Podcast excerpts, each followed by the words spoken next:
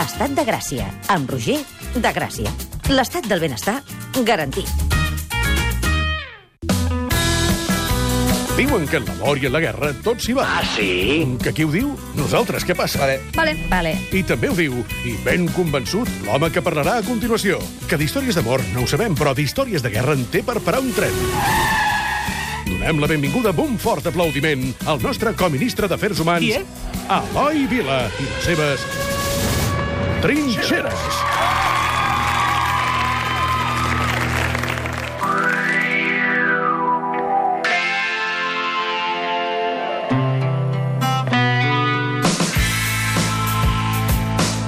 Molt bona tarda, Eloi, com estàs? Bona tarda, molt bé. Escolta'm, com va el peu que t'havies lesionat? Bé, ja... Sí. Escolta'm, cap problema. Tot- Cap problema. Està moreno, A punt de fer esport, està- eh? Aquí tothom està, està... Com es diu? Per cert, podem dir que la gent està morena o no? Perquè... Ho està? No, no, vull dir, és correcte dir si estàs moreno. Moreno. Jo diria Com que em sí. medicina. No sé.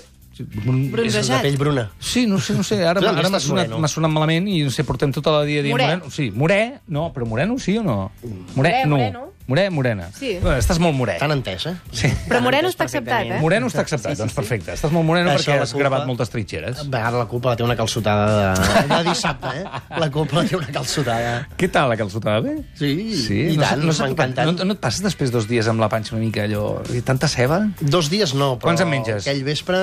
Jo menjo bàsicament calçots i prou. Però quants? 30?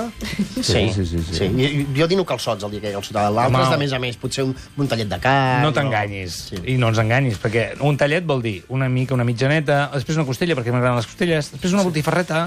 Bé, nosaltres el que vam fer per això és que te- vam anar a una casa, Can 50, allà a Montseny, eh, que té un forn de, de llenya, i un amic en Pep que el sap fer anar, i vam fer un xai lletó sencer, al forn de llenya, a Ah, banda dels calçots. Però tu no te'l vas menjar, perquè Sí. dius que només menges Jo calçots. menjo calçots, el que passa és que la festa va començar a les 12 del migdia i va acabar a la 1 de la matinada. Ah, tens tot el dia per Alguna menjar. cosa més havies de menjar, clar, pobret. És això. D'aquí la morenor, per això.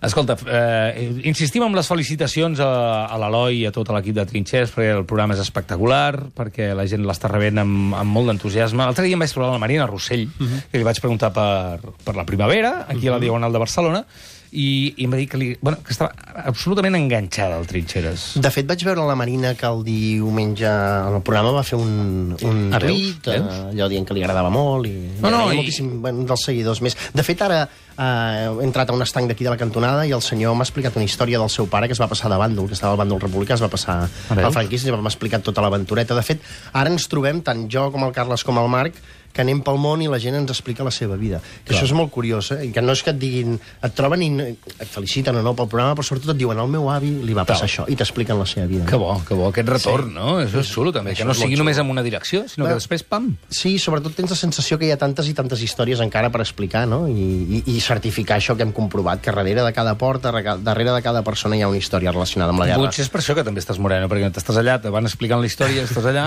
i el sol... Et queda molt bé el moreno, per cert. Moltes gràcies. Escolta'm, avui, trinxeres, eh, les trinxeres de la ràdio, les de la tele, ja ho sabeu, cada diumenge, quantes setmanes queden de programa? Una. només Diumenge s'acaba. ja? Oh. Sí, fem el camí de l'exili el camí de la retirada.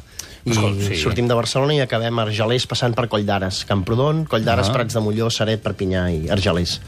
I, de tota manera, la gent, si voleu recuperar els programes, ja ho sabeu, eh? Aneu a la pàgina web de... de TV3 a la carta. de Catalunya Ràdio, no, de TV3, TV3 a la carta, i recupereu allà els programes. I si voleu recuperar els d'aquí, doncs heu d'anar als de la ràdio. Però ara ho fem en directe, fem trinxeres, i avui ens expliques, avui, eh, avui ens volies parlar de música. Sí, avui porto cançons de la guerra, perquè què faríem sense la música, no? Què fem tots a la nostra vida sense la música? Tots tenim allò un moment o altre en què la música és un element importantíssim, no? Moments de pau, eh, la música ens alegra, la música ens transporta, no? I, i a la guerra, per tant, també, no? I els soldats a la Primera Guerra Mundial anaven als batallons carregats d'instruments per alegrar la tropa en moments eh, complicats, no? I per tant, les cançons, Clar, la i- música la guerra és un element clau, no? Clar, i t'encoratja eh, pel que hagi de venir i a vegades per passar les penes, després del que ja ha passat. Vull dir que, clar, la música és essencial. és essencial, és també combativa, no? allò per, per, per, per, per arengar la tropa també en Sí, determinats sí. moments, i porta una selecció de música a explicar la historieta d'aquestes cançons, que en alguns casos és molt xula. No? Per exemple, la primera es diu Si me quieres escribir, és una cançó republicana, i és una versió precisament de la Marina Rossell. Si me quieres escribir, ya sabes mi paradero. Si me quieres escribir, ya sabes mi paradero, tercera brigada mixta, primera línea de fuego, tercera brigada mixta, primera línea de fuego.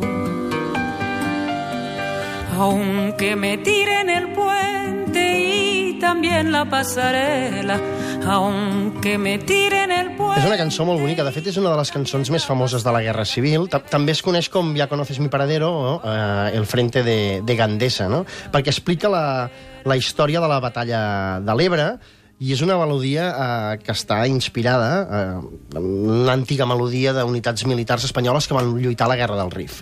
Eh? Per tant, en molts casos hi ha la recuperació d'unes melodies i la lletra adaptada en funció del moment. De fet, la Marina canta una versió, n'hi ha una altra, que diu Los moros que trajo Franco en Madrid quieren entrar mientras queden... Perdó, los moros que trajo Franco en Madrid quieren entrar mientras queden milicianos, los moros no passaran, no? Per tant, en aquest cas, narra la batalla de Madrid, no? la defensa de, de la capital d'Espanya. I la, versió que està cantant la Maria Rossell narra doncs, la, la, la història de la batalla de l'Ebre i el front de Gandesa. I, de fet, dels moros dels que parla són les unitats de l'exèrcit marroquí que van estar defensant Gandesa, no? Ara, mentre escoltava la cançó, com que la, la Mariana Rossell començava en aquest punt que diu si me quieres escribir, ya sabes mi paradero, tercera brigada mixta, primera línia de fuego, m'he recordat, m'ha vingut al cap com un flash aquella cançó de l'última de la fila que era Querida Milagros, Sí. que em sembla que era d'un soldat també des, de, des del front, no? Querida Milagros, ah, no me'n recordo la lletra, però me la sabia de memòria, eh, Querida Milagros. i que, i, i que de, demostra la importància del correu no? durant, durant la guerra, la importància de que les cartes arribessin a, a primera línia de front i que de primera línia de front arribessin a les cases dels soldats. Clar, imagina't, devia ser la vida. És a dir, rebre una carta amb una trinxera devia ser la vida. L'únic motiu d'esperança, l'únic motiu per continuar lluitant i continuar uh, vivint. De fet, ho tenien claríssim, els exèrcits tenien claríssim la importància del correu, perquè, uh, i això va començar la Primera Guerra Mundial, perquè uh, van descobrir que els soldats estaven desemparats a primera línia de front. I, en canvi, el correu, una carta, significava un motiu d'esperança. No? Hi havia algú a algun altre lloc que t'esperava, fos la mare, fos el germà, fos la nòvia uh, o fossin els fills, no?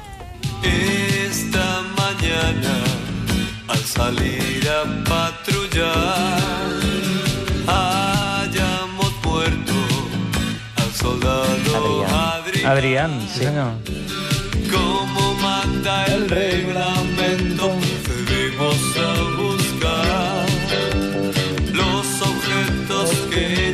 ens transporta a una època.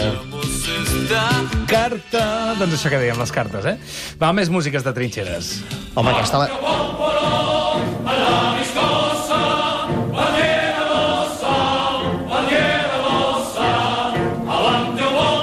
Avanti, Popolo. Sí senyor, una cançó que és un himne socialista i comunista d'àmbit mundial, que és un himne dels comunistes italians que neix a Itàlia a, a principis del, del segle XX, no? I que és, diguéssim, la cançó de lluita més coneguda d'Itàlia, a més a més de la Bella Ciao. Sabeu com diu? Bella Sí, sí, Ciao, sí, Bella sí. Ciao, Bella Ciao, Ciao, Ciao, Sí, sí, no? I és una cançó que es va cantar molt durant la Guerra Civil i també coneguda com Bandera, Bandera Roja i que la Trinca va popularitzar aquí perquè en va fer una versió. Ai, sí? Sí, sí, sí. Bandera- Em va canviar la lletra i és com era, com una era? cançó que em sembla que va passar la censura, Sí. no? Hosti, diré que- una cosa. Em sembla, i nosaltres hem tingut poc accidents de... Avanti de... Popolo es deia. Avanti Sí, Popolo. que deia igual, sí, sí. Doncs jo diria, mira, que un altre flash que m'ha vingut ara. L'únic accident que hem tingut nosaltres amb el cotxe, una, una tonteria, eh? Aquí a la carretera sortint de Barcelona amb el meu pare, estava sonant aquesta cançó de la Trinca. la fort. tinc associada al moment en què estàvem aturats, perquè hi havia moltes caravanes i va venir un cotxe que per darrere, pam, i ens va, ens va fumar un cop. Perquè tu ets els que el cotxe del pare sonava la trinca, allò, els home, casets de la trinca home, permanentment... I tant, i tant. La Trinca, què més sonava? Què més els, sonava? els acudits de l'Eugenio. Que acudits de l'Eugenio, i tant. Penso que anàvem al mateix cotxe. Jo sóc d'anys més tard. Los tres suramericanos. Això ja I ja, com era aquella? La Dolores Pradera, també. Sonava bastant. I després nosaltres, eh, llavors, eh, li vam inflar el cap al meu pare perquè posés eh, l'últim de la fila i algun dia va estar a punt de tirar el caset per la finestra. A mi em costava molt que tragués el Raimon, que li agradava molt. Veus, veus, veus? Ja teníem lluites. També teníem una trinxera allà musical important. Va, més música avui de trinxeres. Avui, per exemple, aquesta Arma Anglès. There's a valley in Spain called Jarama. It's a place that we all know so well. Where we all learned the true cost of freedom. And so many of our brave comrades fell. Us sona la melodia, Sí, no? sí, la Vall del Riu Vermell, Sí, no? senyor, La Vall del Riu Vermell i aquesta cançó que em van adaptar la lletra eh, durant la Guerra Civil, concretament de la batalla de, del Jarama, que va ser entre el 6 i el 27 de febrer de 1937, quan unitats franquistes van assaltar les posicions eh, republicanes i van morir entre 9 i 10.000 republicans i, i 7.000 i 7.000 franquistes, no? I diu, hi ha una vall a Espanya eh, que es diu el Jarama i allà ve- a dir que hi vam deixar hi vam donar tota la nostra habilitat i van caure eh, els nostres valents camarades no? és una, és una cançó de la, dels brigadistes internacionals que van adaptar la lletra eh, i van posar lletra a aquesta melodia la, la, la Vall del Riu Vermell i una cançó que es diu Jarama Valley I al final d'aquest tros diu ara estem tornant d'aquest ball de llàgrimes, de, de pena, de tristesa, i, i és Madrid, que no oblidarem mai, abans de continuar aquesta reunió, eh, eh, posem-nos de peu i recordem aquest moment gloriós. And the ones who would set that valley free. N'hem fet una en castellà, n'hem fet una en italià, n'hem fet una, una en anglès i ara en fem una en euskera. Eusko gudariak gera Euskadi askatzeko Gerturi daukago dolabre alde zemateko Som combatents bascos per alliberar Euskadi i generosa és la sang que, que, que deixem per no, ella. per ella. No? Uh, bé, aquesta Eusko Gudària, que és una cançó... que Ho has dit com si ho estiguessis- Som soldats bascos, no, no sé euskera. Eh? Ah, sí. no, no, Com que t'he vist dubtar, dic, aviam si ho està traduint sobre la marxa. És una màquina, aquest home. No, no, perquè... Eh, les llàgrimes... Bueno, no és ben bé aquesta paraula, però... Sé No que, tinc les sé que vol dir aquí. això. Sé que venen a dir això, no? Però, però és una cançó que es diu que el títol significa Som soldats bascos, és una cançó de l'any 1932 i que la lletra es va modificar durant la Guerra Civil i, de fet, durant la Guerra Civil va adquirir l'estatus com de, com d'himne ba- himne basc, no? I hi ha una anècdota que l'any 1981, un discurs del, del rei d'Espanya a Guernica, eh, diputats a Versales es van aixecar cantant aquesta cançó i van ser expulsats eh, per l'Enzainza, no? I va ser això, una cançó que cantaven eh, els soldats republicans i, i que, i que, com deia, té aquesta, aquesta força, no? que va ser com l'himne d'Euskadi, va adquirir l'estatus d'himne d'Euskadi durant la Guerra Civil. Ante los fascistas, Euskadi se alza en pie, vamos gudaris todos, liberemos nuestra patria. De fet, aquest últim fragment el van incorporar durant la Guerra Civil perquè tingués un to més combatiu, la cançó. Compañías de acero. Compañías de acero cantando a la lucha van. Su ser se escucha y van a la lucha por la libertad. Una... Bueno, aquesta segurament és una de les pitjors cançons de la Guerra Civil, eh? perquè és d'aquelles... De... Tenim Però- la música militar, patatxí, patatxam... Però és un dels grans himnes, és un dels grans himnes comunistes, no? I la van fer les companyies d'acero, eren unes companyies de voluntaris que es van allistar per defensar Madrid. Eh, van haver-hi unes vuit, em sembla que eren vuit companyies i distribuïdes per tot l'entorn de Madrid, per la Serra Madrilenya, defensant la capital d'Espanya de, les, de les tropes franquistes. Mis hijos se salvarán, mis hijos se salvarán, las compañías de acero cantando a la lucha van, su templo seguro y valiente el ademán. Las compañías de acero cantando a la lucha van, las compañías de acero forjadas de acero están y triomfaran. I sí, escolta'm... Si No t'ha agradat, eh, per això? No, no, la, em sembla espantosa. O sigui, la lletra és justeta i la música, a veure... No, no, no, no aquesta, aquesta, no, canviem, aquesta no. doncs, A mi em posen aquesta a les trinxeres i dic, espera, posa'm alguna altra cosa. Canvi. Com, per exemple, aviam, aquestes dues que venen, sí, que funcionen i sí que han passat a la història perquè realment són dues cançons Seremos y alegres, valientes y osados, cantemos soldados el himno a la vid. De nuestros acentos el orbe se admire y en nosotros Home, això és una altra cosa, eh? De nuestros acentos el orbe se admire y en nosotros mire los hijos del Cid. Home, això està molt més treballat. Això és l'himne de Riego, que era l'himne de- oficial d'Espanya, la Primera i la Segona República, però que, curiosament, es va compondre en honor a Rafael, Rafael de Riego, que era un tinent coronel, que es va alçar contra l'absolutisme de Ferran VII. Però estem parlant del segle XIX, eh? I es va, es va aixecar en una petita localitat a Sevilla, les Cabezas de San Juan, i que va ser un dels grans símbols liberals de l'estat espanyol, perquè va instaurar la primera Constitució, la de 1812, la Constitució de Cádiz, no? La trompa guerrera, sus ecos da al viento, horror al sediento, y arruge el cañón a Marte, sañudo, la audacia provoca y el ingenio invoca de nuestra nación. Home, Home és que tinc ganes d'aixecar-me i posar-me la mà al pit només amb aquestes paraules que no s'entenen a la primera, però que són maquíssimes. I si jo crec que ja, sí, hi ha una cançó de la Guerra Civil emblemàtica i que et posa la pell de gallina és aquesta.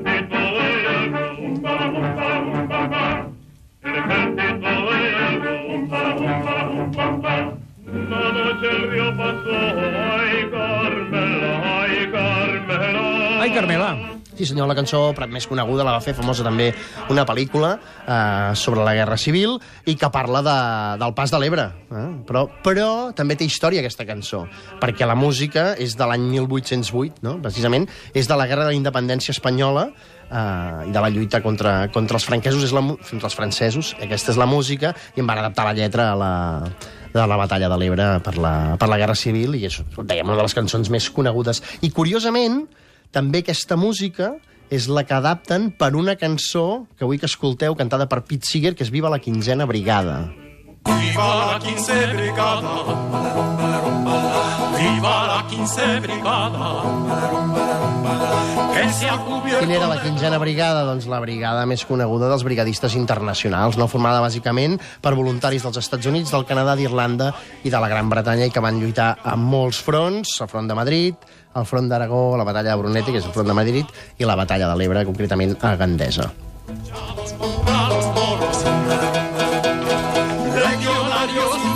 Va, els últims 40 segons posem, posem una cançó en català? Sí, perquè és l'himne republicà català. I ara us ho explico molt clarament. Que s'ha arribat el dia que el poble te'n volia. Fugiu, tiràs, que el poble vol ser rei.